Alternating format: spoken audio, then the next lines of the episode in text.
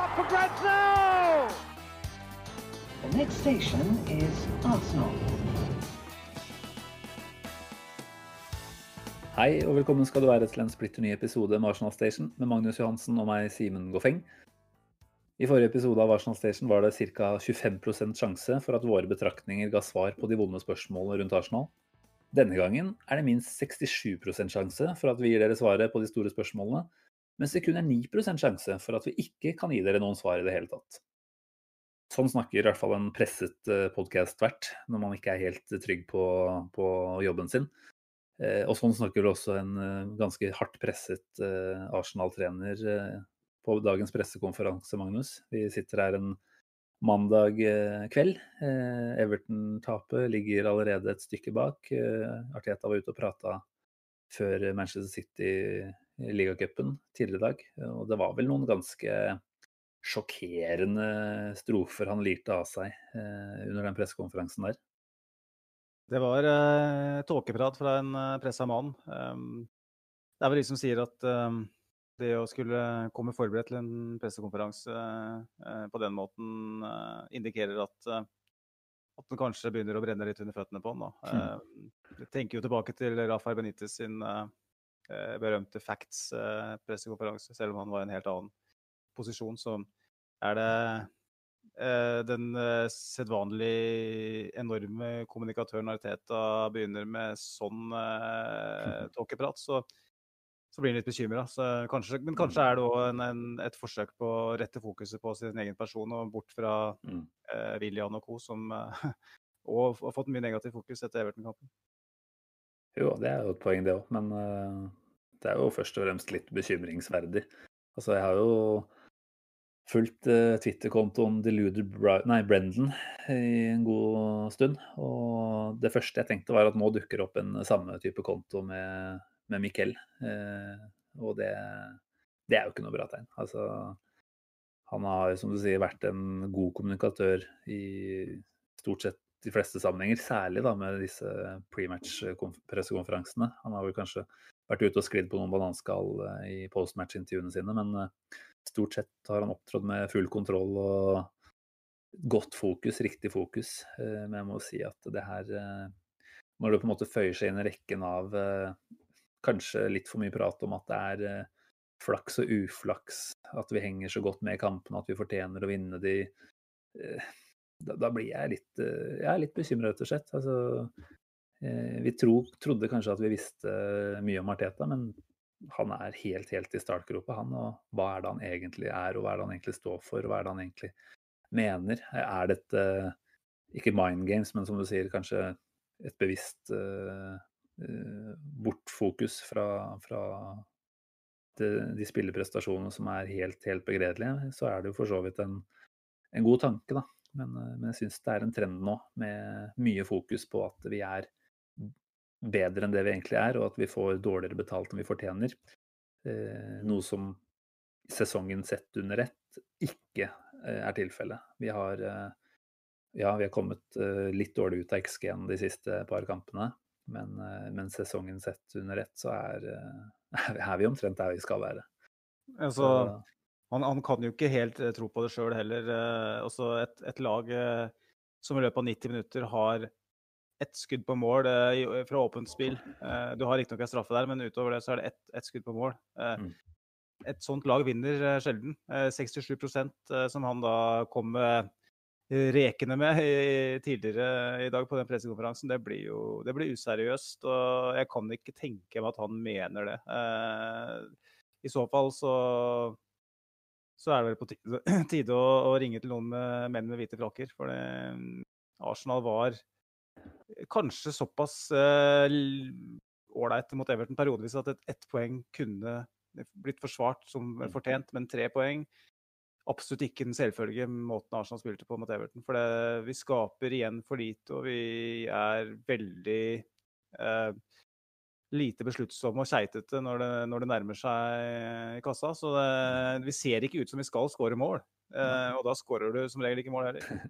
Nei, og igjen så syns jeg jo litt av måte, det som blir veldig avslørende, er at eh, når er det vi på en måte blir eh, mer offensive? Det er jo åpenbart når vi ligger under.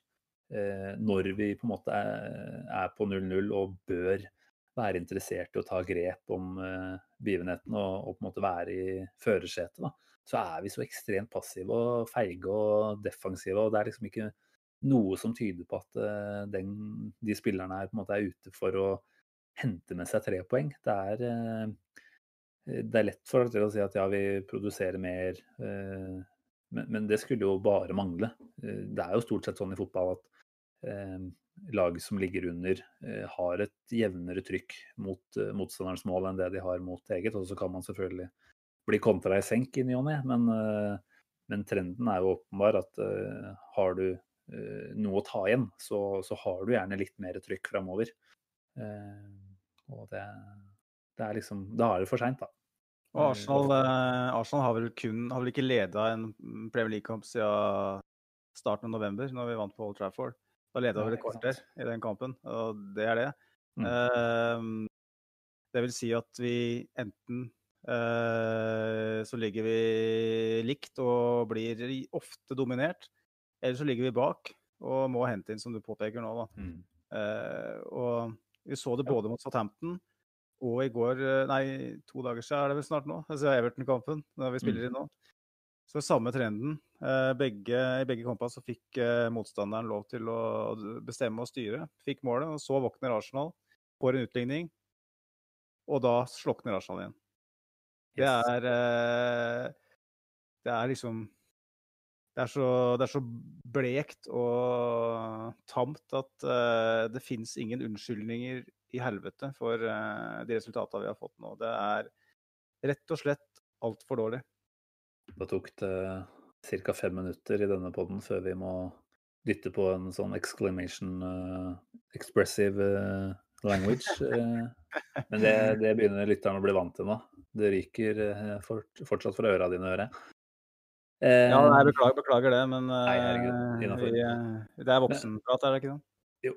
Bare for å ta spørsmål, vi, vi, har jo vært ute på Twitter i forkant av denne sendinga her også. Eh, første spørsmål som ble stilt der, var har Arteta mistet garderoben? Eh, først, hva, hva, tenker du? Jeg tror han mista deler av garderoben. Mm. Eh, og det rapportene fra nærmest samla pressekorps i, i, England uh, sier det samme. Uh, uh, det er Han har fortsatt tillit blant de fleste, men det er noen litt, av de litt større navnene som ikke er med på lasset. Mm. De som da i, i, prinsippet skal lede, lede Arsenal, de, de, er ikke med. og de navnene som nevnes, det jeg vet ikke om jeg trenger å nevne dem engang. Det er et par, Nei, vi, vi, vet hvem vi snakker om. Et par agenter fra Vest-London som, uh, som, blir nevnt der. Det, jeg vet ikke om det stemmer. Jeg syns jo at David Louis uh, ikke nødvendigvis spiller så dårlig hele tida eh, om dagen, men det er jo tydelig at, at ikke alle er med på, på, på raset. Og da, da snakka jo Teta veldig mye om non-negotiables, da. Et begrep som eh, hadde veldig eh, betydning når det først kom. For det var liksom det som var navnet på kulturendringen som skulle, skulle skje i Arsenal. Og nå, nå er det i ferd med å bli et eh, litt sånn utvaska feil begrep som ikke mm. stemmer overens med det vi ser. Og eh, med mindre eh, Ariteta klarer å få de navnene onside igjen, eh, så er det jo vanskelig å, å, å se for seg at, at resten eh, skal fortsette å være på hans side òg, så lenge resultatet er, sånn det er. Så det er mm. Eh, jeg tror eh, han, eh, han holder, holder, nok et visst grep fortsatt, men det glipper mm. veldig. Og det er ikke mm. lenge før, tror jeg, at vi har en spillergruppe som er imot sin trener. så du kan jo Ja, nei, det er jo naturens uh, lov, omtrent. det der, At når, når, det er som det er med resultater, så, så får du en misfornøyd uh, spillergruppe. Og så er det klart at de, de uh, vurderingene og avgjørelsene som Marteta har tatt da, opp igjennom nå, og da særlig med Øtzil Sokratis som er utelatt fra alle tropper og fortsatt er på treningsfeltet. Jeg, jeg tror at sånne ting ikke kan unngå å påvirke en, en en tropp da, som helhet. Eh, ikke nødvendigvis at noen av disse spillerne går ut oppå der og prøver å være bevisst giftig, men det skaper en, på en, måte en, en stemning som man helst ikke bør ha. Da. Og, og igjen så kan vi også si at det er eh, overbefolka eh, i visse deler av troppen, som gjør at det blir misnøye når man blir utelatt fra tropper og ikke får den spilletiden man ser for seg. Og, og, en del av det ansvaret må jo selvfølgelig Arteta ta på egne skuldre. Selv om det kan godt være mm. at noe av dette også er på en måte tredd over han fra, fra høyere hold, så, så, sitter han tross alt på eh, skal vi si, beslutningsmakta her, og, og, han vet at det er hans jobb som ryker hvis ikke resultatene er gode nok. Så han har, eh, han har tatt noen valg som han eh, ikke har kommet helt godt ut av ennå. Jeg tenker vi bare må ta med et par av de repliesa vi fikk på det eh, spørsmålet. Stian Børling på Twitter. Han skriver ja, mistet, eh, men bra.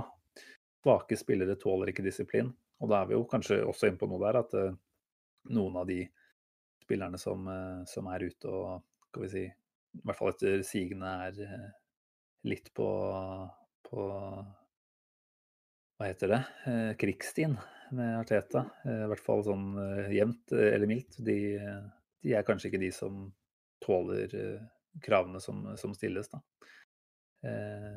Så har vi vår venn i Arctic Gunnerpod som svarer at han tror ikke Arteta har mistet dem, det er bare ingen selvtillit der. Mm. Så tar vi med Gunnar Jonsson på Facebook også, som Skal vi se, det var ikke Gunnar Jonsson, jo det var det. Han sier at han heller ikke eh, tror Arteta mister garderoben, men han har ubrukelige midtbanespillere uten retningssans. Det, det, det, er riktig. Det siste er riktig. Ja. Ren ord for penga.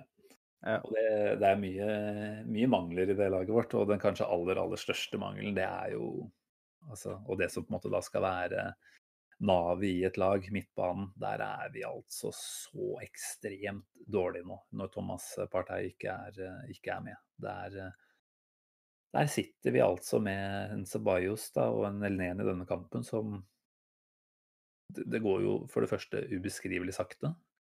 Eh, det er lite framoverretta. Eh, jeg syns jo ikke jeg Når jeg lukker øya, så ser jeg bare baller som går på tvers fram og tilbake. Det er liksom det jeg har fått brent fast på minnet. Mm. Og, det er, eh, og, det er, jo ikke noe bedre med Sjaka heller i denne sesongen her. Så, så midtbanen er jo absolutt et kjempeproblem. Og det er jo litt ironisk da, når vi sitter der med en kanskje ikke en midtbanemaestro i sine glansdager, men han var jo absolutt en, eh, en god midtbanespiller, Arteta. Eh, absolutt. Litt, sånn sett kan du se at du forventer kanskje at det er en lagdel han skulle klart å gjøre best mulig skikka eh, kjappest, da kanskje. Fordi han kunne si noe helt nøyaktig om hva, hva de skulle gjøre. Men jeg syns jo vi har midtbanespillere som ser rådville ut. og og, og, så har de kanskje heller bare ikke de fysiske ferdighetene til å, til å utføre den jobben de skal. Nei, altså det, det er jo eh, Jeg hadde en Twitter-melding eh, som jeg la ut på Eller en tweet, heter det vel egentlig. Eh, på, etter kampen, eller pause var det faktisk, eh, hvor jeg stilte litt spørsmål rundt eh, Eh, både Ceballos og Elneni, og hvor dårlig stilt de faktisk var med dit. Og da svarte var det Bård Hegseth, eh, som jeg kjenner eh, fra noen London-turer og litt sånn, som sa at jeg skrev tilbake til meg at det virker som Mariteta er besatt på å finne midtbanespiller som er treigere enn seg sjøl. Ja. Jeg syns det var spot on, for så vidt. Han prøvde å hente mm. Jorginho i sommer òg, så det er liksom hva, hva er det vi prøver å, å gjøre her? Da? For jeg ser, Når jeg ser på midtbanen vår nå, så det er ikke en Premier League-midtbane. Det er, det, det er uh, El Neni tror jeg på en måte er en El Neni er El Neni. Da. Det, jeg sliter litt med å være sånn kjempekritisk til han, for han, vi vet mm. hva han er. Hvis du, hvis du, bygger laget på en måte som gjør at han bare kan fortsette med sitt, så gjør han det. Men, uh, de, men de, andre, som ikke heter Thomas Partey, da, det er vel snakk om to spillere. Det er Granit Sjaka, som vi har sagt nok om på denne podkasten de siste par ukene og det er en Dani Ceballos. Mm. Som ja, jeg syns ikke vi skal involvere eh, Joe Willoch i den uh, der, nei. Nei, nei, nei. Han, eh, han, får jo ikke spille der, så det, han spiller mer i den frie rolla offensivt. Så. Mm. Men Dani Ceballos, han er jo ikke ønska av Zinedine Zidane, og vi har kanskje tenkt at det er fordi Zinedine Zidane er litt arrogant uh, fransk type som ikke har lyst til å gi en sjanse, men uh, jeg begynner, begynner, å se hvorfor. Uh, han, er, han, har ingen offensiv intensjon i spillet sitt. Han er ukonsentrert. Han har jo åpenbart et eventyrlig talent, men han slår gjerne tremeterspasninger som bommer på, som er kjempeenkle, og han mister hodet par ganger hver match mot Everton, så kunne han blitt utvist. For mm. han stempla jo Jeremina i kneåsen, og i tillegg etterpå kaster han seg rundt og filmer for når, når han faller oppå Jeremina. En patetisk manøver, i mine øyne. Ja. Eh, samme mann som eh, var det Southampton-kampen, hvor han ja. eh, kaster seg inn i feltet når han kunne ha ventet opp og faktisk kanskje til og med skåra mål. For mm. noen har gjort to ganger, tror jeg, på 57 mm. kamper for Arsenal. En jeg, jeg, jeg, sliter med å, finne store nok ord for å, å, beskrive hvor skrekkelig han har vært denne sesongen her. Og jeg vet at han starter sannsynligvis fordi at uh, Sjaka er uh, ute og party er ute. Jeg tror vi ønska Sjaka dit pepperen grodde for, forrige, etter forrige gang han spilte, men uh, vi ser jo hvorfor han starter nå. Vi ser jo hvorfor det. Fordi at Dani Ceballos er ikke i nærheten. Uh, Mohammed Elneni er altfor begrensa til å skulle ha et kreativt ansvar dypt på midten. Og når Thomas Partey er ute da, så da er det Granit Xhaka vi sitter igjen med. Og vi stilte det spørsmålet i, samme tweeten eh, etter kampen. Eh, skal vi se, var det, hvordan var det jeg stilte det spørsmålet? Ceballos og El-Neni svake igjen. Må vi tilgi Xhaka? Da satte jeg sånne hermetegn på tilgi, da. Fordi at eh, det er ingen av oss som kommer til å tilgi han sånn på sikt, tror jeg. Men... Nei, og da vil jeg bare starte med å si han har ikke bedt om tilgivelse. Han har ikke bedt om unnskyldning etter uh, den hodemisten han hadde mot Burnley. Og det, det, er jo en stillhet som taler sitt uh, veldig tydelige språk. Han unnskyldte seg jo heller ikke etter uh, denne famøse draktkastinga som Arteta for så vidt klarte å rydde opp i. Men, men, jeg må jo si at jeg, jeg er møkk lei av Chaka. Og tenker at han er en av de konstantene som har eh, holdt Arsenal utenfor uh, topp fire-plasser de siste fire sesongene. Mm. Uh, det er flere andre òg, selvfølgelig, men uh, med tanke på hans sentrale rolle i laget, at vi stadig vekk ser, ser til han da, som en slags lederskikkelse. og vi ser nå igjen hvordan han har satt seg selv foran laget, og ikke engang nå hatt ydmykhet nok til å unnskylde noe som var så åpenbart idiotisk, da. Ehm, jeg kommer ikke til å tilgi Sjaka. Og selv om han kanskje er eh, ja, har noen andre styrker som vi ikke får med Ceballos eller Elneni eller noe sånt, så jeg, jeg er ferdig med han. Jeg kjenner at jeg mm. blir skikkelig sint nå når jeg snakker om han igjen, altså. For det, det er en mann som ja, han er så jævlig falsk, rett og slett. Han, han, gir så inntrykk av at han er, eh, han er lagspiller nummer én, og han får for så vidt mye backing på det området fra andre på treningsfeltet òg, som skryter han opp i skyene av eh, innstillinga han viser på treningsfeltet, og kanskje også i garderoben. Men ute på banen så er han ingen leder. Kvalitetsmessig så er han ikke god nok til å forsvare en fast eh, plass på Arsenal sin midtbane. Og jeg tenker at eh, det, det, er synd å si det, men altså Steta gjorde jo nesten en feil ved å klare å jobbe han inn på laget igjen i fjor på denne tida her. Eh, når vi kanskje egentlig bare skulle ha tenkt at dette her er ikke et eh, prosjekt vi, vi, må investere mer i. Men eh, da kan jeg forstå det, fordi Arteta var helt ny og han hadde et veldig begrensa spillerom. Eh, eller handlingsrom. Men, men, nå er liksom Ut av det så sier Arteta at det er forklaringer på hvorfor Chaka han gjorde og sånt. Men eh, og, og, det håper jeg igjen bare er en uh, måte å kommunisere på for å holde markedsverdi oppe og alt dette her. Uh, jeg vil ikke se Chaka igjen. Nei, og uh, jeg tror vel Og jeg som stilte spørsmålet. Jeg var jo veldig tydelig på det samme som, som du godt oppsummerte nå. At det prosjektet Sjaka og Arsenal det er noe vi bare må bli ferdig med. Så fort som bare, bare det. Men mm. det var liksom lys av det El Neni og Ceballos har prestert. Ja. Er sånn, hva, hva, er alternativet, egentlig? Um, vi har jo fått noen lytterreaksjoner på, heldigvis på det eh, svaret òg. Um, Alex Reiertsen svarer på, på, Facebook på melding. Han eh, vil ikke tilgi Sjaka, fordi det som blir prestert i dag, er akkurat det samme som Sjaka tilbyr, minus hodeløse taklinger og harde tilbakes, tilbakespill. Og vi kan jo si at Ceballos han, han tilbød jo noe av det samme som Sjaka når det gjelder hodeløse ting òg. For det, han holdt jo på å redusere oss til ti mann før pause der. Så hvem som er verst, det kan jo diskutere. Men jeg tror vi egentlig alle etter hvert er enige om at både Sjaka og Ceballos, både når det gjelder uh, spillestil, fysikk uh, og mentalitet, er helt feil for Arsenal på sikt. og at til tross for El Neni sine klare begrensninger, så er det vel han den eneste kan se for seg spille sammen med Thomas Partey når han etter hvert returnerer, av de som er alternativ som vi har lista opp nå, da, med mindre det mm. kommer en sånn fra, fra intet type ny signering eller en Maitland Night som plutselig skulle få sjansen, eller hva det mm. enn måtte være. da, så er det, mm. Vi sitter med, sitter med tre potensielle partnere til Thomas Partey, og to av dem er i mine øyne fullstendig ubrukelige. ja, det, det stemmer fint, det. Så det, det drar litt langt, selvfølgelig, men de er ikke ubrukelige. Men de passer ikke inn i Premier League og i Arsenal. i mine øyne. Nei, så enkelt tenker jeg du kan si at det er en fotball som spilles i England, og som eh, fysikk eh, på en måte er det det sentrerer seg veldig mye rundt. da. I hvert fall ikke, ikke bare, men du må ha det fysiske på plass. Og det, er, eh, det går for sakte, da, rett og slett.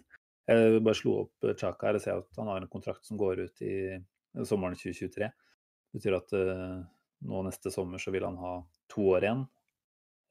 Det er det beste tidspunktet å selge på hvis du skal ha godt igjen for, for den investeringa man har gjort. Vi får nok ikke igjen det vi betalte for den, men jeg tenker at det er Hvis han ikke blir borte i, i januar, så er sommeren det er absolutt riktig tidspunkt å, å bli, bli, kvitt Chaka på. Altså. Ja, eh, jeg tror eh, alle parter har tjent, eh, tjent på det. Ja. Eh, men OK, vi faser jo på en måte litt ut fra det vi egentlig spurte om, altså i hvilken grad Arteta har mista garderoben. Eh, det har vi for så vidt svart på. Men spørsmålet vi nå må stille da nok en gang, eh, i lys av at det går som det går, og det er jo en stadig større Eh, kontingent av supporterne som heller mot Arteta ut-sida. Eh, det ser vi jo på sosiale medier, at det er, det er flere og flere som ikke har troa, og det, det, er veldig naturlig. Så jeg stiller deg spørsmålet, Magnus. Hvor langt unna er Arteta å få sparken, egentlig? Det er vanskelig å svare på, men jeg tror uh, tap mot Chelsea, tap mot Brighton, så tror jeg han ryker. Rett og mm. slett fordi at da går vi inn Fordi at Chelsea-kampen, OK, det er mot en overlegen motstander uh, per nå. Uh, men Brighton er en sekspoengskamp i, mm. i den triste situasjonen vi er i. Uh, Taper vi den, eh, da er vi sannsynligvis på 17.-plass. Eh, med en sekspoengskamp mot West Bromwich uh, borte med Sam Allardyce runden etter da har snart ikke Arsenal råd til å rote noe mer.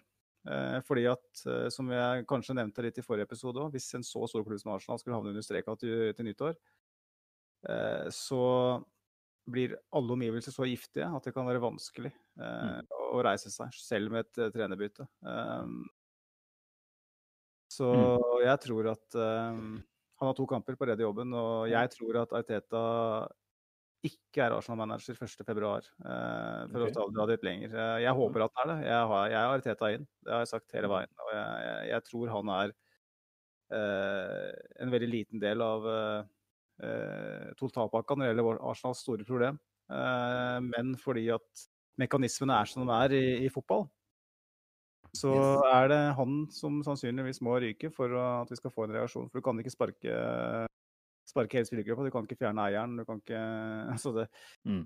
det, er, det, er, det eneste alternativet, nesten. Dessverre. Og da er jeg spent på hva du tenker, eh, altså først, da, før jeg sier hva jeg tenker, så vil jeg bare si at uh, det som kommer av signaler som vi hører fra journalister Vi så bl.a. David Ornstein satt og prata på Sunday Supplement her i, i går, blir jo det, eh, og sa at han tror at Arteta har backing fortsatt. At det planlegges for januarhandling.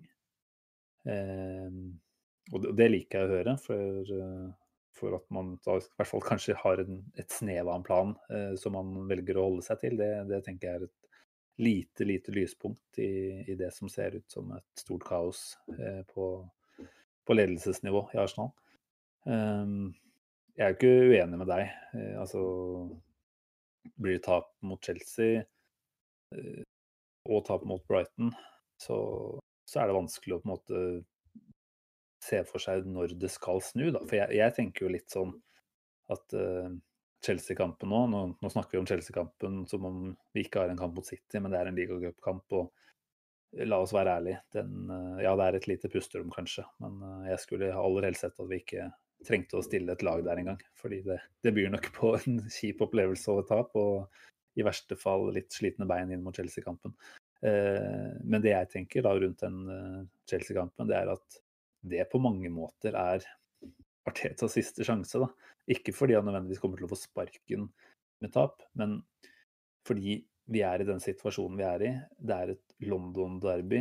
Eh, spillerne skal virkelig ikke trenge noe, noe mer motivasjonskraft enn en de omstendighetene der, da, for å yte absolutt 100 eh, Så det er på en måte det jeg er mest interessert i mot Chelsea, det er å se hva for, et, hva for en reaksjon er det vi får. da. For nå, nå, har vi sittet og venta mot Burnley, eh, mot uh, Southampton, mot Everton. Sittet der ved kampstart og tenkt nå må vi få en reaksjon. For det her går jo så inn i helvete står det at nå skal de vises fra start at dette er de ikke bekjent av. Nå skal de eh, gå ut og angripe. Og så har vi fått ja, egentlig alle de tre kantene her ganske like førsteomganger med eh, relativt eh, lite lite offensivt spill, lite innsats og tæl og guts. Altså de helt basic tinga, lite bevegelser fra spillerne. Um, og det, det, bekymrer meg veldig. At ikke enten de gidder, eller at Arteta ikke klarer å motivere de opp i riktig modus uh, inn mot uh, de tre siste kampene her, da. Så har vi for så vidt fått en viss reaksjon utover i kampene når vi kommer under og sånn, som vi snakka om i stad, men da er det jo for seint. Um, så jeg vil si at hvis ikke Arteta nå enten uh, evner å på en måte skru på spillerne fra første, første sekund mot Chelsea, eller de ikke bare gidder, uh, da, da mister jeg jo på en måte tro allerede der, da. Uavhengig nesten uh, om det blir et poeng som vi på en måte klarer å flakse oss til på et eller annet vis. da. Så kan, kan du snakke litt Ja, sorry. Nei, jeg tenker vi kunne trekke paralleller til, til samme kamp eh, fra fjoråret. hvor det ble jo spilt i romjula i fjor, hjemme mot Chelsea. Det var jo en av, det var første hjemmekampen til Arteta, tror jeg. Da tapte vi, men den prestasjonen var så god at hvis vi får en sånn prestasjon og taper, mm. så så er jo det nok, på en måte. For det vi trenger å se, det er jo ikke det, det er, Ja, det føles litt som at vi bare trenger at uh, Rob Holding sin heading mot Southampton går ja. i mål, og at David Louis sin avslutning nå, mot Everton går i mål. At vi har den, vi har den uh, fru, fro, touchen fra Fru Fortuna da, som gjør at vi bare får med oss tre poeng i en kamp vi ikke har vært så gode. Men skulle vi plutselig få en sånn type dominant prestasjon, og bare er litt uheldige, så, mm. så er det nok òg. Men hvis vi får enda en kamp hvor vi er skaper nesten ingenting og ender opp med å tape, enten om det er knepet eller klart, så, så er det snart for sent. Eh, fordi vi, vi har ikke råd til å rote noe mer enn det vi har gjort. Nei, Nei altså du, du, spurte meg hvor lenge sitter Arteta. Du mm. sier han er borte før 1.2. Jeg har vært veldig jeg er jo åpenbart uh, veldig veldig lysten på at Arteta skal få dette her til. Det er jo du òg, selvfølgelig. Uh, jeg vet at jeg har et slags uh, optimistisk rykte å ivareta her. Så da skal du høre her. Jeg tror Arteta sitter ut sesongen. Hmm. Jeg håper du har rett, Simen. Og så får vi se ved opptelling til slutt her, hvordan ting ser ut. Men nei, det er jo altså Vi satt for seks runder siden da, Magnus, og prata om at nå går vi inn i et kampprogram hvor vi på en måte må se noe, vi må se noe tegn, vi må få noen svar. Hvis ikke så på en måte må vi begynne å stille spørsmålene. Eh, og de svarene er vi jo ikke i nærheten av å ha fått, selvfølgelig. Så det er, eh, det er jo absolutt et betimelig spørsmål om hvor mye tid skal man gi han, og, og hva, er måte, hva er smertegrensa, da? Hvor er det vi ikke tåler, når er det vi ikke tåler å vente lenger?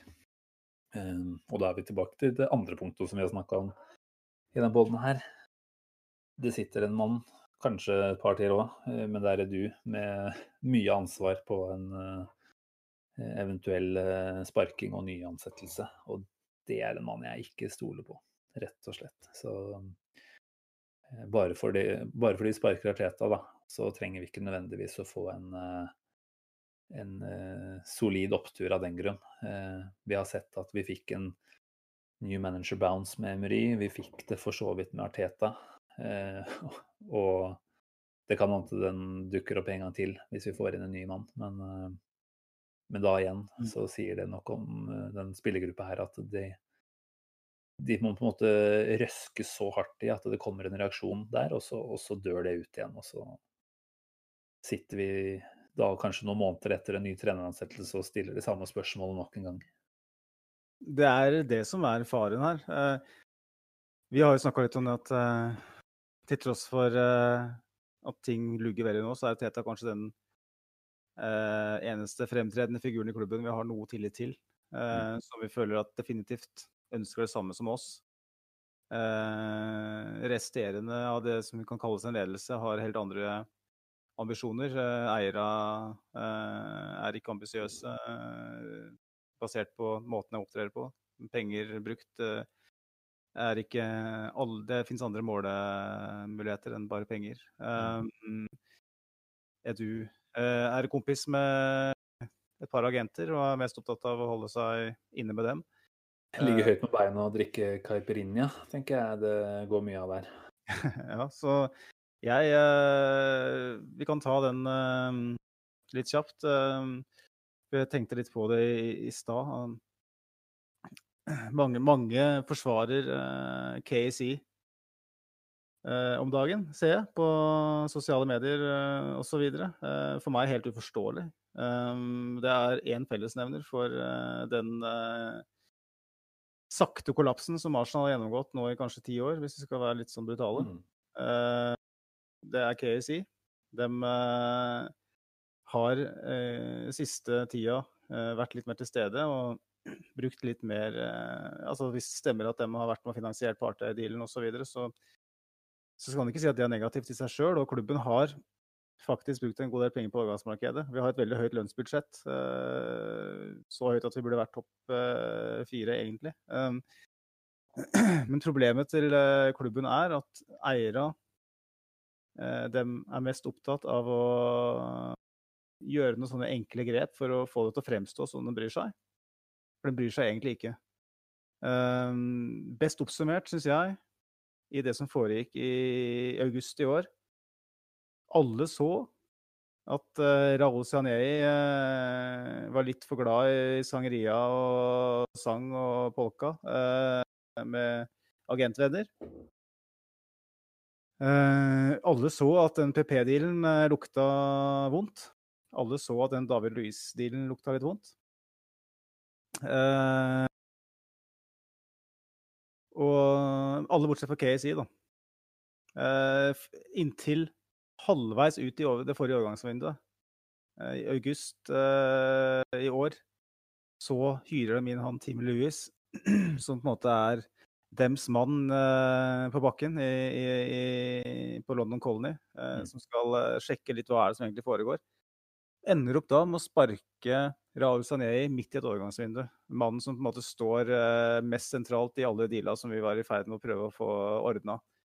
For meg så, Og det er jo mange som sier at det er positivt. Nå, nå ser jo KSI hva som foregår. Men det er jo helt idiotisk timing. Mm. Midt i et overgangsvindu. Det, det viser ja. bare hvor, hvor, lite involvert de er, da, hvor lite de bryr seg. For de tar grep altfor sent. De, også, som jeg har sagt før, de lot Wenger sitte altfor lenge. Eh, og det er en sånn symptomatisk greie med dem. De venter altfor lenge med å ta grep. Og de, tar, de, de er helt out of touch med det som foregår i London. De lar en struktur som ble satt på plass under Gazidi, som faktisk var ganske bra, eh, sånn på papiret. De lar den bli oppløst. Eh, og erstatter den ikke, rett og slett, og går tilbake til den gamle modellen. Det sitter KSI og ser på at skjer, uten å gjøre noe. Og nå er vi i en helt jævlig posisjon hvor det er helt umulig egentlig å sparke Arteta på en måte. fordi at hvem i alle dager skal ta, ta den avgjørelsen? Hvem i alle dager skal ansette nestemann? For at strukturen er helt borte, og det er under KSI sin ledelse. Det er dem som skal ha all skylda for det helvete vi er inne i nå. Eh, selv om Mariteta sliter nå, og kanskje må gå, så er han et offer for meg eh, i det, det som skjer. Det er mulig at Mariteta er helt feil, og det, da er det greit. Da kan vi på en måte si at OK, så, sånn er det. Men jeg har null tillit til at eh, KSI, eh, et KSI-ledet Arsenal skal ta en eh, fornuftig avgjørelse på hvem som skal eh, ta, ta over stafettpinnen, og hvordan Arsenal skal styres neste år. Uff. Nei, det er sanne ord for penga, det der, Magnus. Jeg tenker jo at uh... Nei, altså hvem hvem er på en måte Hvem er det du sine kontakter? Uh... Jeg tipper jo at hvis vi skulle være så ja, nei, jeg skal ikke si hva vi er, for jeg vet ikke om det er dumt eller smart. Men hvis vi skulle fyke Arteta, da hva er det vi på en måte har som reelle alternativer?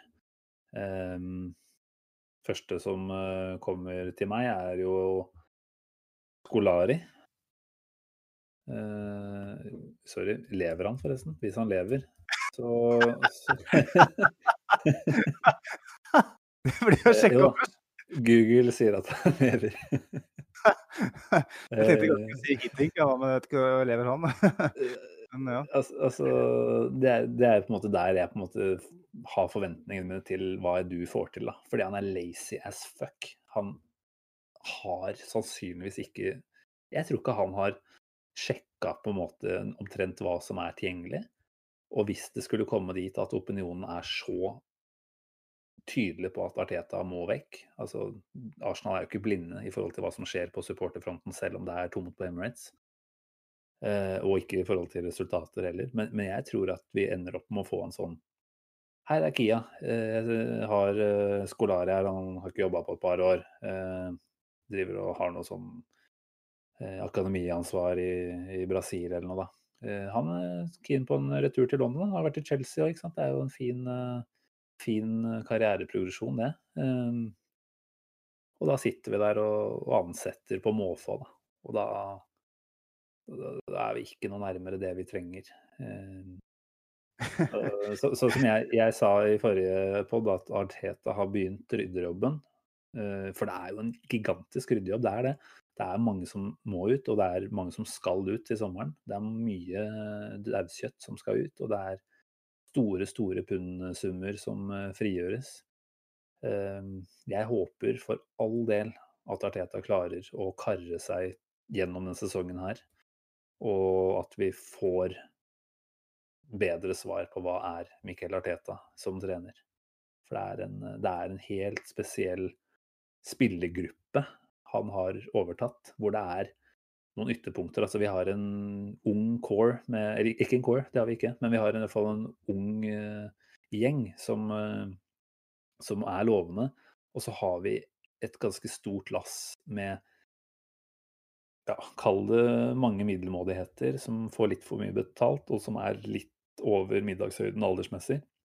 Og så har vi på en måte ikke Vi har ikke noe ideelt sammensatt uh, tropp. Da. Hva var det du sa før vi gikk på her, Magnus? At det er en eh, broken squad, rett og slett. Eh, Ja. Og det er klart det er et resultat av den sammensetningsjobben som er gjort over, over tid, da. Så nei, jeg, eh, jeg har veldig, veldig, veldig, veldig lyst til å se Arteta fortsatt få tre sesonger, da. For jeg tror ikke at alternativene som er der ute, gjør jobben noe særlig bedre. Og, jeg, og hvis de alternativene finnes, så tror jeg ikke du klarer å få rett mann på plass uansett. Altså, du kan si ta Årsaken til eh, at spillergruppa er som den er, det er jo fordi at det ikke har vært noen strategi. Fordi at ledelsen Nei. i klubben, eierne, ikke har hatt noen strategi, ikke har krevd noen strategi på sikt heller. eh, Og da blir det på den måten her. Men eh, Jeg satt jo Jeg må bare nevne det, forresten. Jeg, satt jo, jeg måtte jo google og sjekke om uh, Skolari levde sjøl. Jeg var, ble jo usikker. og da fant jeg ut at uh, kona setter heter Olga Skolari, og det var litt kult. Uh, jo, takk. Assistenttrener, hun da. Ja, vi må ringe til Olga og høre om uh, Felipe lever. Tipper jeg du òg må jo sikkert google det først. Sjekke, er, det, er det liv i den gamle bartegutten fra Tror du ikke de har vært på noe grillparty før du tok turen til London? da? Ja, de kjenner hverandre godt i det, vet du sikkert. Det gjør de. Uh, ja, Nei da, men uh, jeg tenker at eh, hvis det blir aktuelt å snakke om eh, potensielle erstattere som trenerkandidater, så får vi på en måte ta den gjennomgangen skikkelig når det blir, det blir aktuelt, Magnus. Jeg tror ikke vi skal bruke For det, det er jo en jobb som vi kan bruke en eh, hel sending på, så jeg tror ikke vi skal begynne med det her nå. Eh, Nei, men, det er bare fort gjort å si at det er ikke mange spennende og fristende kandidater, men det er én, er det ikke det? Som kanskje kunne pirra litt. Det er en som kiler litt, eh, ja. Det er det. Um, det er jo en, eh, en, en gammel Judas, så å si. Det er ikke det, da, men en, en Pochettino som eh, forhåpentligvis kan bli en ny Sol Campbell hvis Arteta skulle uh, måtte bite i det sure eplet. Så Mm. eh, det, det er sånn jeg har uh, forstått, da, så var Pochettino villig til å gå i samtale med Arsenal eh, før Arteta ble ansatt. Eh, I motsetning til det rapporten har fortalt oss i media. Eh, noe mer, mer enn det vet jeg for så vidt ikke, eller har jeg ikke hørt. men det tyder på, i hvert fall på at, at på det tidspunktet så var det en, en, kanskje en mulighet. Da. Eh, I hvert fall til å kunne gå i samtale med. Da. Mm. Og hvis den muligheten er fortsatt Nå er det jo snudd litt i United. ikke sant? Solskjær har fått litt sigg på saken igjen i en fem-seks ukers tid sikkert, før det snur igjen. Um, Lampard uh, uh, kan vel kanskje få noen par måneder til i, i Chelsea. Hva er uh, alternativet for etter, etter hvert en lang, langtekkelig arbeidsløshetsperiode for Pochettino? han kan komme tilbake til til London. Han har kanskje et hus der fremdeles, for alt vi vet. Et kontaktnettverk der. Hvis han er villig til å, å bryte med Tottenham på den måten, så tenker jeg at det er liksom den, den ene store ja. kandidaten. Utover det så klarer jeg liksom ikke å komme på en ens en. Jeg blir nevnt på den ene og den andre, men jeg klarer liksom ikke å Men det er ikke vår jobb heller. Og det, det, poenget vårt er jo da at uh, jeg, tror, jeg har ikke noe mindre tillit til deg enn jeg har til deg, du, da, når det gjelder å skulle peke ut en, Jo, takk. Jeg vet ikke om jeg tar det som et kompliment engang, nesten. Nei, det skal du ikke, det skal du ikke gjøre. Men, uh, Nei, altså, jeg, jeg, må si at jeg er enig med deg, da, Magnus, at uh, uh, hvis det er på en måte ett navn og en, kall det litt sånn historie, da, som på en måte gjør at jeg kunne sett for meg et, et liv etter Arteta som faktisk hadde vært lovende, så er det nok en Pochettino som vi skal huske på at fikk sparken da, fra Tottenham. Så ja, du kan si at han har en tilknytning, men de valgte nå å bryte med han. Eh, og det var jo ikke noe, det var ikke noe vakker avskjed, det, selv om det kanskje hadde ligget i korta litt. Så, så at han eh, kanskje er litt mer åpen enn det han har gitt uttrykk for i noen intervjuer. Da. Han har jo sagt at han kan aldri trene Barcelona, han kan aldri trene Arsenal. Um, du vet, altså fotballen er, den gjør at folk uh, tar de mest uvanlige avgjørelser. Og ja, går han i Sol Campos fotspor? Det hadde jo vært fint, men uh, jeg holder jo fortsatt en knapp på at jeg syns det hadde vært enda vakrere om Arteta fikk det til. Så det, vi, vi krysser fingra for det fortsatt. Ja, altså for all del. Vi, vi er Arteta inn i den podkasten her, og, men vi, vi, må bare ta diskusjon. Um, hva er neste punkt på programmet? Jo, jeg tenker jo at vi må holde oss til de spørsmålene du tross alt har stilt da, på, på, Twitter etter kamp mot Everton. Eh, da stiller du der bl.a. spørsmålet er det på tide å gi Lacassette tilbake plassen i laget. Han eh, ble benka til fordel for Enketia eh, da Aubameyang var skada nå. Eh, kom inn siste 12-13 eller noe sånt. Jeg satt og venta på han en god stund tidligere. og La meg si først, Vi har jo vært veldig kritiske til Lacassette tidligere i sesongen. her. Han har jo sett ut som et blylodd som ikke klarer å bevege på seg. Men det skjedde et eller annet der for et par uker siden. da Vi husker den hjemmekampen mot uh, Rapid Wien, var det vel, hvor han dunka inn. og Det bare plutselig så ut som det var noe ny energi i han. da. Med, med, det, med, med, den siste formen da, som utgangspunkt, så, så må man jo kanskje kunne si at han bør, bør starte på bekostning av Nketia. Ja, det, vi har jo Eh, fått noen eh, lytterreaksjoner eh, på det spørsmålet òg. Eh, Stian Bøhling skriver bare 'Laka foran Nketia'. Um, uh, og så har vi vel en som skrev noe litt interessant her. Ja. Erlend H. Markussen, som kastet en brannfakkel, som han skriver. Laget har vært bedre enn Aubameyang i år og fortjener mer å starte enn han. Så det er tydelig at dere har sett eh, etter noen litt tunge uker for litt tid tilbake, er i ferd med å vinne igjen litt tillit hos, hos fansen. Og det, det, handler jo ikke om at han er en målhungrig rev i boksen. Det handler bare om at han viser litt engasjement og, og faktisk mm. prøver litt. Da. Eh, for jeg føler jo at det har vært eh, mangelvare hos hos ganske mange. Altfor mange, egentlig. fordi at eh, Premier League er en såpass tøff liga at hvis én eller to ikke yter maks, så er det nok til at du faller fullstendig gjennom. Uh, William, så er det jo er det jo sånn at jeg òg er enig i, i, det, da. Jeg syns jo at Jeg er på en måte ferdig med Lacassette på det viset at jeg, jeg, han er ikke framtida hvis, hvis, vi får inn penger for Lacassette i januar eller til sommeren, så må vi bare ta det. Men mm. per nå så ligger han ganske mange hakk foran Nketia. Da. For Nketia virker for meg å være ganske langt unna mm. eh, det nivået som trengs for å starte for Arsenal i Premier League. Eh, kanskje må vi være litt forsiktige med å si det, fordi at vi skaper tross alt ikke målsjanser. Og han er, en, han er først og fremst en målskårer, men ja. Han hadde eh, assist til Aubameyang mot uh, Southampton. Eh, og han er en poacher som kanskje hadde vært eh, nærmere å omsette et par av de harde, sene innleggene eh, mot Everton. Da. Altså, Lacassette var jo ikke i nærheten på noen av de.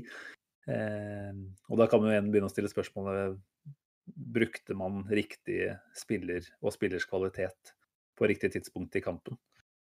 Mm. Eh, som du igjen da på en måte kan stille spørsmålet til, eh, tilbake til Artetas vurdering på. da. Men eh, vi har Andreas Mart Mathiassen på Twitter som skriver at Nketia var barnehagegutt mot Mina og Keane i alt. Og det er på en måte litt det jeg sitter igjen med i den kampen der, at uh, Nketia er for sped og for liten. Og ja, rett og slett ikke, ikke på nivå da, til å ta opp kampen mot, mot de her. Nei.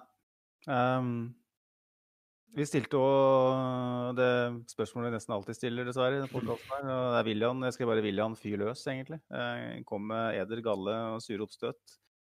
Eh, Mona Johansen på Facebook. Eh, din, din, søster må vi vel kunne legge til? Vi må si det. Eh, det er min søster.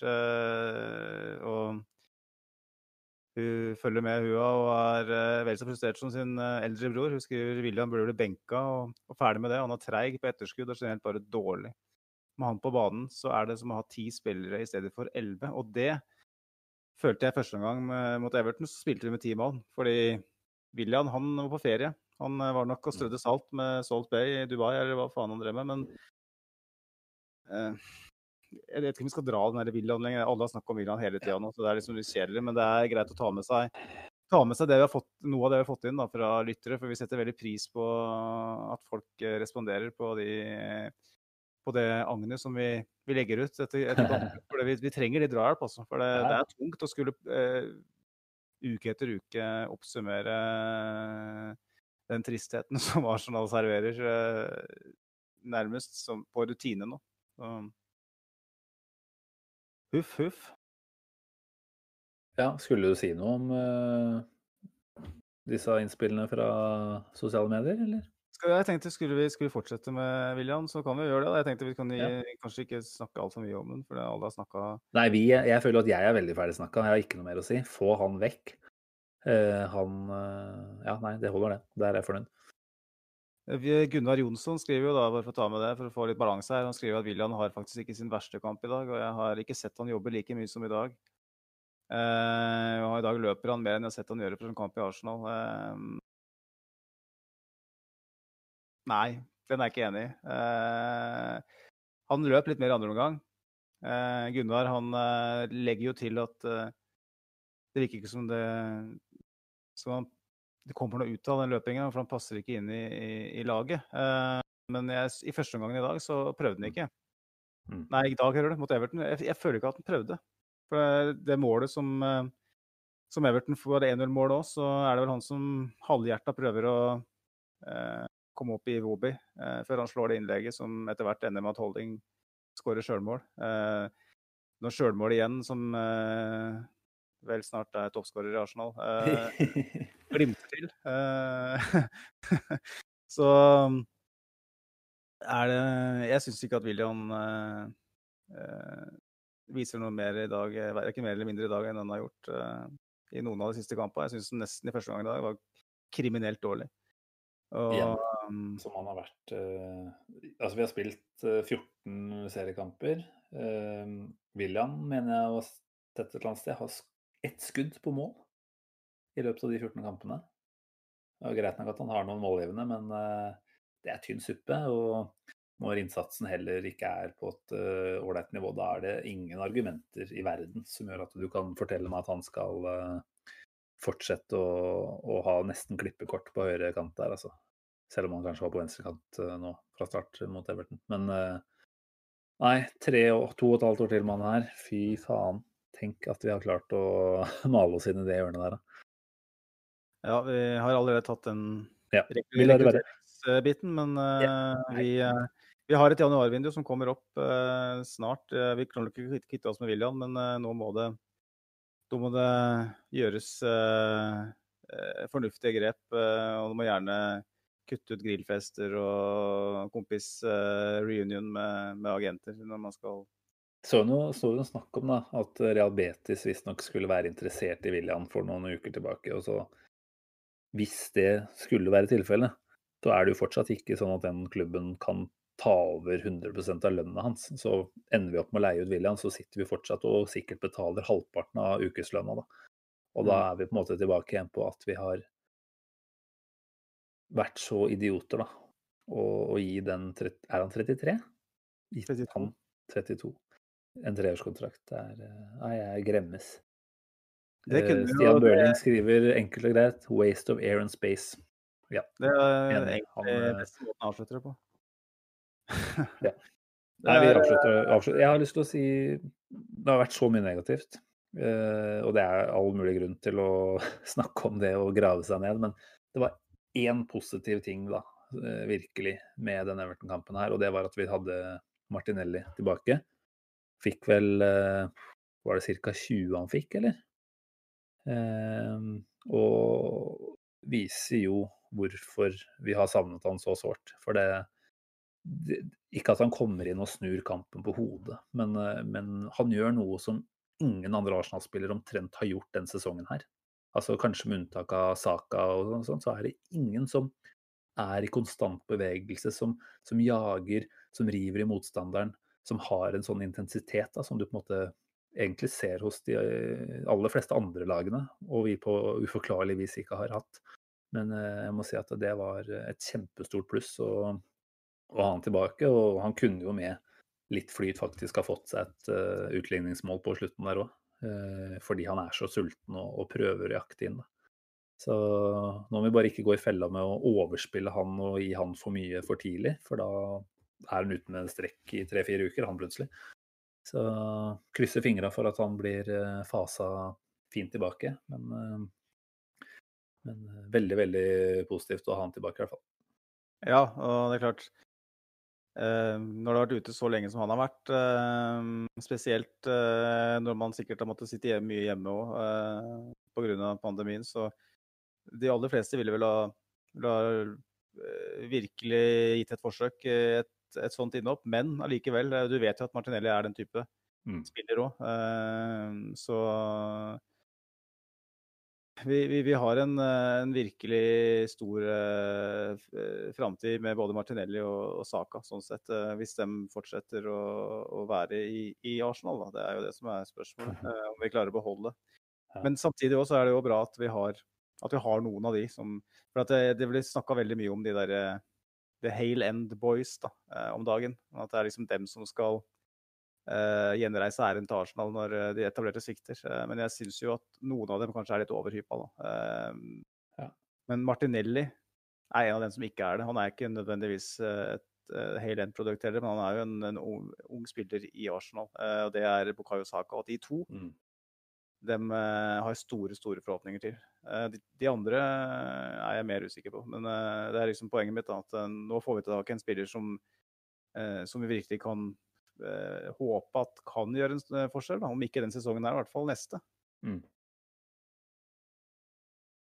Ja, nei, vi, vi, skal ikke det er, det er, mange som har på en måte snakka at uh, får vi Martinelli tilbake, så, så, kan vi på en måte snu sesongen. Jeg tror ikke vi skal uh, være i nærheten av å legge de forventningene på, på skuldrene hans. Han er 19 år, uh, han har vært ute i mange måneder. Så, så han skal få god tid. Så får vi på en måte snart på en måte kanskje bare erkjenne at uh, det beste vi får av denne sesongen her, er en midt på tabellenplass og forhåpentligvis en god prestasjon i en annen cupturnering.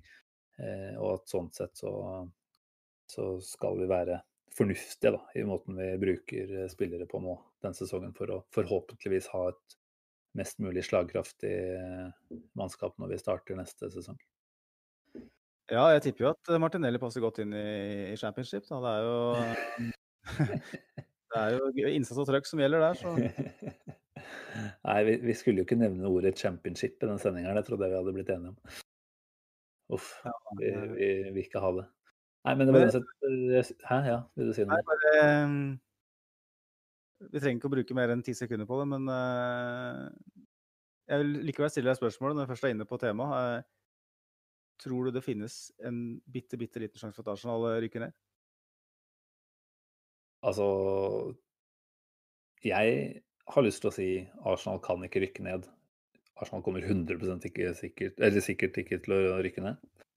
Eh, men da føler jeg at jeg jinxer det, da. Så jeg må vel kanskje si ja, det er, en, det er en mulighet for det. Men jeg tror ikke at det skjer. Du er litt mer pessimistisk, som vanlig? Jeg tror ikke Arsenal rykker ned. Eh, så negativ er jeg tross alt ikke. Jeg, jeg tror Arsenal, eh, selv med et vannstyrt Arsenal som vi, vi ser nå, eh, har, er såpass edruelig at de vil ta grep før det blir så ille at vi mm. faktisk rykker ned. Men som jeg sa i stad, hvis vi havner under streka, så kan omgivelser bli så giftige at det kan være vanskelig å å reise seg. Og den, den rekka med kamper vi, vi, vi, får nå etter Chelsea, med, det er vel Brighton, West Bromwich, Crystal Palace og Newcastle, tror jeg. Mm. Det er fire ganger. Hvis vi skulle tape alle dem, så ja, da kan vi rykke ned. Uh, ja. Altså, det eneste du kan si, er at vi er, ikke, vi er jo ikke gode på å være et bunnlag. Altså, vi vet ikke hvordan vi skal takle en sånn situasjon, egentlig. da. Uh, så, så, det er jo klart det er en ny stressfaktor for sannsynligvis alle spillerne da, i den eh, klubben her. Der, eh, der Burnley-spillere og andre middelmåligheter på en måte fra år til år er vant til å kjempe da, med, med ryggen mot veggen, så, så, er Arsenal i en posisjon hvor noen fortsatt kanskje forteller seg selv at vi er så gode at vi kan ikke rykke ned. Eh, og er litt for, litt for chill da, til, til, den posisjonen vi er i. Så Nei, fy faen. Men vi, vi, velger å tro at det ikke skjer, nei. nei og Men, nå, nå syns jeg på en måte vi snakka oss litt sånn positive her med Martinelli, så ikke la oss uh, dra inn for langt på dette sporet her nå, Magnus. Nei, men uh, bare la meg avslutte den segmentet her så enkelt som at mitt uh, Og det er pessimisten som, som jeg snakker. Jeg er fornøyd hvis Arsenal overlever i Premier League og Arteta er manager til sommeren. Da er jeg fornøyd. Ja.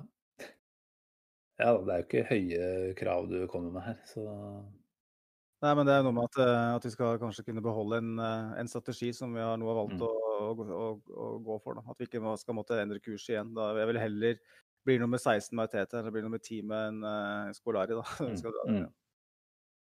Ja, nei, det er et godt poeng, det.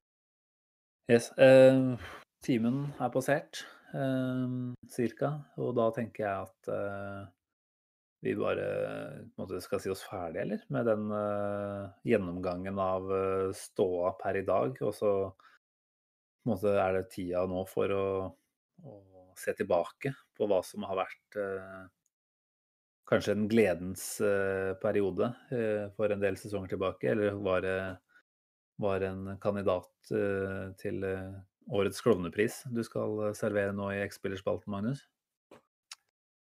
Det vil jeg ikke si så mye om. ehm, men eh, nesten Jeg velger å gjette meg fram til at vi skal eh, møte et, eh, et I hvert fall en, en gladgutt som har gitt oss mye fine stunder, da. For jeg tror at du så for deg at det ble tap mot Everton, og da, da sørga du for å kompensere det med, med en hyggelig, et hyggelig tilbakeblikk. Nesten alle tilbakeblikk er jo hyggelige nå. så lista ligger ikke så høyt sånn sett. Men jeg skal ikke avsløre noe som helst. Nei, nei, men du kan jo i hvert fall uh, kjøre i gang, så får vi høre hva vi har å gjøre med her. Hvis man en sen kveld tar en promenade rundt ærverdige Highbury, kan man, hvis man hører godt etter, fremdeles høre lyden av syngende metall. Kun skjelettet står igjen av det som en gang var et fort og en høyborg. Men man kan lukte og høre historien. Lukten av svidde karbonader og løk, og et hint av svette fra middelaldrende menn som hyler av begeistring og frustrasjon. Symfonien av seter som dundrer mot stolrygger idet Dennis Bergkamp eller Thierry Henry nærmer seg 16-meteren. Vi kan fremdeles høre det. Og vi trenger ikke høre så godt etter heller. Det sitter i ryggmargen. Men hvis du virkelig spisser ørene, kan man høre skarpe lyder av syngende metall og gisp fra titusener. For det var også noen spillere som ikke fikk storsetene til å danse i takt. Dagens X-spiller er en av dem. Medlidenhet er vel det beste begrepet man kan benytte for å beskrive ham. I motsetning til noen av dagens Arsenal-spillere sto det ikke på innsatsen. Worm han hadde rett og slett utvikla et magnetisk forhold til stolpene på Highbury. Tross sugende løp og rappe skudd ville ballen rett og slett ikke i garnet. Uansett hva vår mann prøvde, søkte ballen metallet. Som en overstadig berusa skiturist på afterski som bare trenger å balansere på rett linje for å bli gitt innpass, klarte heller ikke dagens X-spiller å unngå å trå utafor linja. Legemet søkte utafor blinken, selv om blinken var gapende stor. Innpass fikk han heller ikke i Arsen Wenger sine planer, da han etter 15 kamper ikke hadde evna å skåre. Da var det slutt for spissen, som vel med metallsmak i munnen fikk reisepass etter kun et halvt år i klubben. Sjelden har den franske professoren gitt opp en spiller så tidlig. Men han hadde kanskje et poeng denne gangen også. Den unge spissen med skåringsvegring tok først turen til Marseille og deretter PSG, hvor han også ble utlånt til bl.a. Westham og Blackburn. I løpet av en treårsperiode noterte ikke spissen seg for en eneste fulltreffer. Ingen for Marseille, ingen for PSG, ingen for Westham og ei heller noen for Blackburn. Ifølge Wikipedia spilte han 57 kamper i denne perioden. 57 kamper uten nettsus. Man kan bare anta at stolpene fikk kjørt seg. Den nomadiske tilværelsen fortsatte så på nivå 2 i Spania, i Racing de Ferrol. Her løsna det endelig for vår uheldige venn. Men det ble ingen stor karriere for mannen som faktisk fikk kamper for det franske U21-landslaget. Al-Harafa, Al-Karatiat, Ayakio, Gazientaspor, Ankaragichi, Alki Lanacha, Arlé Avignon. Dette er navnet på klubbene han representerte etter tida i Spania. Til sammen representerte han 17 klubber på 18 sesonger. Tross kun seks måneder i Nord-London huskes han likevel aller best for tida rødt og hvitt. Hvem vet hva som ville skjedd dersom det ikke sto oppført så mange porter i løypa? Han traff dem alle og kom aldri i gang. Benny Hills kjenningsmelodi var det eneste som manglet. Det ble både komisk og litt vondt. So let me take you by the hand and lead you through the streets of Highbury. Hvis du hører godt etter, kan du fremdeles høre det synge metallet. Men fortvil ikke, det er bare spøkelset til Kaba Diawara som prøver å treffe det gapende nettet. Det var eh, kanskje det største parentese så langt for min del i denne spalten din, Magnus. Her var jeg langt, langt ute på dypt vann. Jeg skal innrømme at jeg, jeg, jeg googla midtveis, eh, og fant jo da ut hvem vi snakka om. Men eh, den tok jeg ikke, altså. Det burde jeg sikkert ha gjort. Men uh, Kaba Diawara, det, det, er et stort, stort parentes for min del. 15 kamper, var det det du sa han fikk? Uh, ja. ja. Og det, det, var jo på en måte før, før, min tid, så der har jeg rett og slett ikke Altså uten at man selvfølgelig vet at han har vært i klubben, så kunne jeg ikke si noe mer om når og i hvor stor grad han, han hadde markert sin tilværelse her, da. Så det er fint eh, at du bød på litt, eh, litt overraskelsesmoment der. Men jeg må si, det aller beste med det tilbakeblikket her, det var jo å lukke øynene og kjenne på burgerlukta og høre altså, beskrivelsen din av uh, Hyberys uh, nærområde. Det er jo på en måte den, uh, den vi snakket litt om når vi skulle døpe denne podkasten her òg hvordan det føles og hvilke inntrykk man sitter med når man går opp trappa på Arsenal Tube Station der. Så mm. der, der koste jeg meg, lukka øynene Magnus, og, og, var plutselig tilbake i det jeg på en måte Jeg, jeg liker jo Nord-London aller best på vårparten. Når det på en måte begynner å bli grønt på trærne og sola titter fram og det er sånn passe varmt. Så nå var jeg, nå var jeg en sånn tidlig aprildag jeg, i, i Nord-London. Ja, det var... Men Caba de Avara var absolutt fint, eh, fint det òg. Han kom jo til klubben i januar i 99, hvis jeg ikke tar feil, og forlot klubben da sommeren 99. Mm. Eh, jeg husker han jo ganske godt, eh, eller godt og godt. Jeg husker han. Jeg husker et par kamper hvor det han gang på gang traff stolpen. Det var jo, det var jo komisk å se på. Det var jo på en måte inngangen min her òg. Mm. Jeg Jeg har en, en god venn som som uh, bodde i England samtidig som meg, som uh, gikk på kamp sammen med hver helg. Uh, Jan Robert, som sendte inn ønske om, ah. Kaba Diawara. og da tenkte jeg at da, da gønner vi på med han. fordi at jeg, jeg har fått inn en god del ønsker som er spennende, men som på en måte er litt sånn opplagte, som jeg har lyst til å spare spare til lysere tider. og med tanke på at vi skal drive på med det her en stund. Men veldig kult når det kommer et et forslag om en spiller som er såpass uh, glemt av de aller fleste. Mm. Kaba Divara er uh, Du var vel kanskje en åtte år gammel kanskje når han holdt på der. Og, så jeg skjønner godt at ikke du husker han. fordi at 15 kamper for klubben på en tid hvor du kanskje var heldig å kunne se hver tredje eller fjerde kamp på TV. Mm. Så um, det kan hende at det er litt upresist gjengitt noe av det her òg, sånn sett. Jeg tror ikke det er så mange som kommer til å ta deg på faktaopplysningene du kom med her, altså. men, men, jeg likte det, det var på en måte en ny dimensjon ja, til, til, den spalten her. At ikke det bare nødvendigvis er de store, åpenbare navnene. Men, men gi oss et lite ja, tilbakeblikk som ikke man nødvendigvis uh, var klar over at uh, var der, nesten. da. Det som er problemet, er at det er litt vanskelig å skulle uh, hvis, Med mindre du husker, spesielt når vi snakker 90-tallet, med mindre du husker det sjøl, så er det veldig vanskelig å skulle skrive noe om det. For det mm. står jo det der med det, de stolpetreffa sånn, det står det, det fins jo ikke på Google. Jeg har prøvd å finne noe om det, men det står ingen steder. Det både jeg og Jan Robert eh, som eh, foreslo det, husker det jo husker det jo, men det står ingen steder. Så eh, på nett i hvert fall. Så derfor så er det også vanskelig å, å ta de her. For det er klart, de, de parenteser som de kalte det, som er fra innenfor de siste ti åra, de vil de fleste ta ganske kjapt. Det er sant. Ta en Yaya Sonogo, da. Hvis jeg hadde tatt en Yaya Sonogo om 20 år, så har det sikkert mange sittet og tenkt eh, hvem er det her? Eh, Mm. Nå vet jo alle hvem det er, på en måte. Så det er litt det som er greia. Ja, ikke sant. Det er fint. Det er bare å, bare å sende inn forslag eh, til ønsker der, ja. Så tar, tar du det imot med takk. Mm.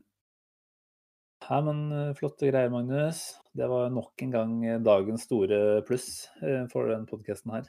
Eh, Det er jo jevnt over sånn stabilt uh, firernivå på det meste vi leverer her, men den her er en ren klokkeklar sekser hver eneste gang, denne spalten din. Så, så de, som, uh, de som hører uh, podden igjennom, de, de veit at de alltid har noe, har noe å glede seg til på slutten. Det var snille ord. Takk for det. Ja, du fortjener det, Magnus. Du er flink. Veldig flink. Eh, satser på at Arsenal eh, løfter nivået opp eh, på samme. Eh, nå er det som sagt en eh, Jeg vil kalle det en ubetydelig ligacupkamp. Selv om det selvfølgelig hadde vært ålreit med en seier og, og alt det der, så, så betyr det der ingenting, altså. Så la oss bare komme oss levende gjennom kampen, ikke kaste ut på noen spillere som ikke bør spille, og som skal være 100% fit mot Chelsea. Og så får vi rett og slett se hva, hva som bor i den gjengen her. For det er liksom det er et være-ikke-være eh, på mange måter for treneren, det her. Så får vi ikke servert en oppvisning eh, på, på Boxing Day, da, som jeg sa tidligere i sendinga, da begynner jeg å miste alvorlig troa på kanskje ikke Arteta isolert sett, men i hvert fall Artetas evne til å sørge for at den spillergruppa her eh, drar noe vei, da. Så, Det er skummelt. Skummel eh, tanke. Vi, vi får feire jul først, og jeg tenker vi, vi skal vel eh, kanskje driste oss til å ønske god jul òg, før nå før eh, Jeg vet, jeg aner ikke, vi har ikke snakka om det engang, når neste Nei, blir. nå, er eh, det jo, nå er det jo juletid, så vi får nesten bare se litt hva som passer imellom eh, ja, litt selskaper og ja, får vi se hva vi har lyst til òg. Jula skal jo være en hyggetid, og hvis Arsenal fortsetter å være ræva, så er det ikke alltid så hyggelig å podde. Så da tenker jeg vi, vi tar det litt som det kommer. Men, eh, men at vi kan ønske god jul, både til lytter og til hverandre, Magnus, det syns jeg er på sin plass når ikke Arsenal gjør det. Så god jul, alle sammen. Eh, I julegave til oss. Det kan jo være å gå inn på, på Facebook eh, og like oss der, eller på Twitter og gi oss en liten follow, kanskje. Da, da blir vi veldig, veldig glad. Eh, Jeg vet ikke om du har noen julegaveønsker utover det, Magnus? Nei, jeg tenker at vi kan eh, benytte anledningen til å eh, Nå som vi går inn i årets eh, siste fase. og 2020 har vært et uår, eh, både generelt sett, men òg stort sett eh, Med unntak av eh, det som skjedde i sommer, så har det vært et uår for Arsenal òg. Og føles iallfall sånn nå. Fotball er ferskvare. Eh, Men må, det som har vært eh, fint med det året, her, er at vi har fått eh, stabla på beina en podkast som vi har hatt planer om eh, over litt lengre tid. Og bare lyst til å takke alle som eh, har hørt på, spesielt de som tuner inn uke etter uke og kommer tillegg og spørsmål. Det setter vi veldig pris på. Det er dere som gir vind i seila til uh, Mm. dette fartøyet her. Så fortsett med det, og tell your friends, som du sier. Og utover det så la Munnviken glinse av eh, fett, og la Knut Risan sine, sine ville Hva heter det? Eh, ville enmannsshow eh, på julaften trenge inn i ørene. Og han er, tar alle karakterene i Askepott. Så satser på at Arsenal òg kan bidra positivt i, i høytida. Det er noen juletradisjoner i vente. Eh, litt usikker på stående fot der hvordan eh, vår boxing day-tradisjon er, men det er et eller annet som sier meg at vi er ganske bra ofte på boxing day. Eh, så hvis det er tilfellet, så håper jeg det fortsetter eh, denne gangen. Vi trenger en seier eh, mer enn noensinne, egentlig. Så yes. Nei, god jul. God jul til deg, Magnus. Eh, nyt eh, fotballfrie dager nå, og så er vi på'n igjen på et eller annet tidspunkt om ikke så altfor lenge. Eh, til dere lyttere så er det bare å si tusen takk for at, eh, at du putta oss i ørene nok en gang. Og så høres vi igjen om ikke så altfor lenge. Ha det bra. Ha det. Ho,